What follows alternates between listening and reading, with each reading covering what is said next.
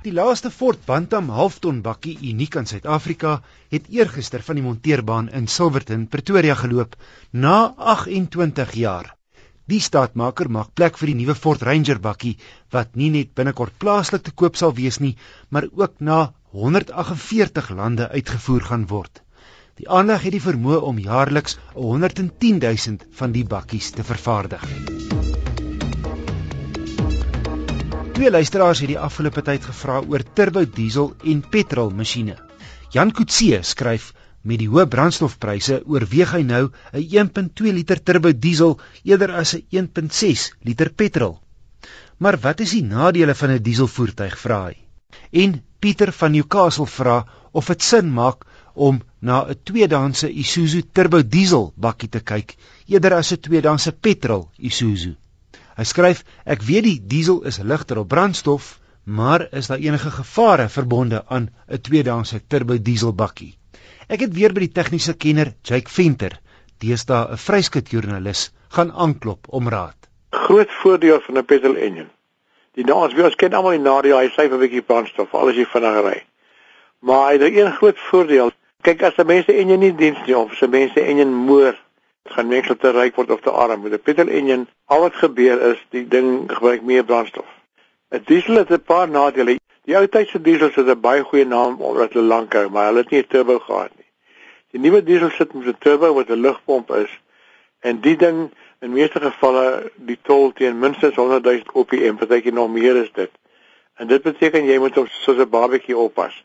As hy enigstens 'n bietjie veiligheid veilig goed in die olie kom of in die lug wat hy insuig, dan uh, raak hy baie vinnig ontklaar.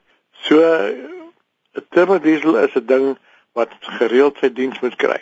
Die ander probleem met 'n turbo diesel is dat aan die een kant sit jy met 'n waier in die uitlaatverdeler wat rooi warm loop en aan die ander kant sit jy 'n waier in die inlaatverdeler wat in die inlaat lugtemperatuur loop en tussen die twee is daar 'n as.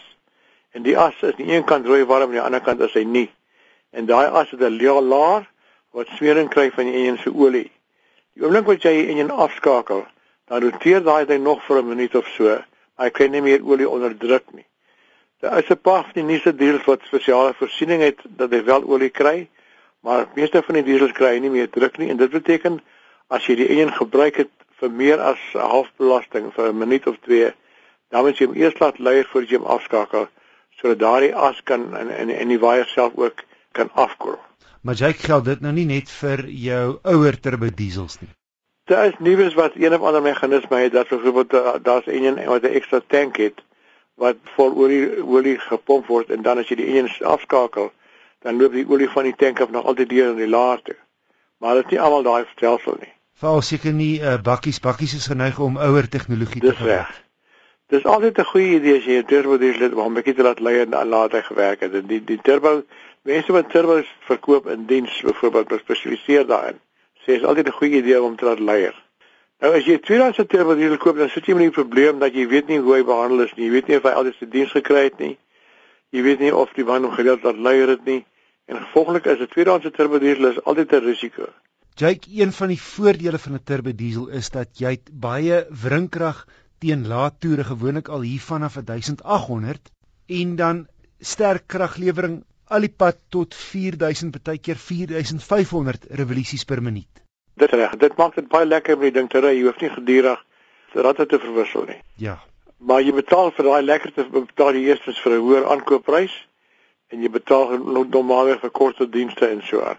Hoër aankoopprys wat 20000 kan wees. Ja, ja. As jy 'n turbo diesel koop, jy gebruik hom net vir 20000 km per jaar gaan dit jou in 8 of 9 jaar vat om daai prysverskil op te maak met die brandstof te spaar. Ja, so of baie ry of die kar baie lank hou. Dis reg. Jake, so die groot voordeel is natuurlik van 'n turbo diesel dat hy 'n hele ent minder brandstof gebruik as 'n petrol. Ja, of nie hier is is dat die ding het nie 'n versnellingsklep nie. Dan hy hy sê hy altyd maksimum lug in. En dit beteken by lae snelhede waar petrol enjin besonder ondoeltreffend is minder as 10%, daar's 'n uh, uh, wenne diesel baie. So as jy stadig ry, gaan jy baie meer beter brandstof by kry met 'n diesel as met 'n petrol. Vinniger jy ry, hoe minder gaan die verskille wees, maar jy kan normaalweg staat maak op 20% verskil ten gunste van die diesel. Jake Venter, 'n tegniese vryskut joernalis. Rig gerus enige motornavrae aan my deur te e-pos na wissel@rsg.co.za. wissel@rsg.co.za. Jy's ook welkom om te faks as jy wil. Die nommer is 011 714 2430. Johannesburg 011 714 2430. Volgende week maak ek weer plek vir toetsvoertuie. Die een, die Kia Cerato basismodel luikerig en die ander ene, die topmodel in die Renault Fluence reeks.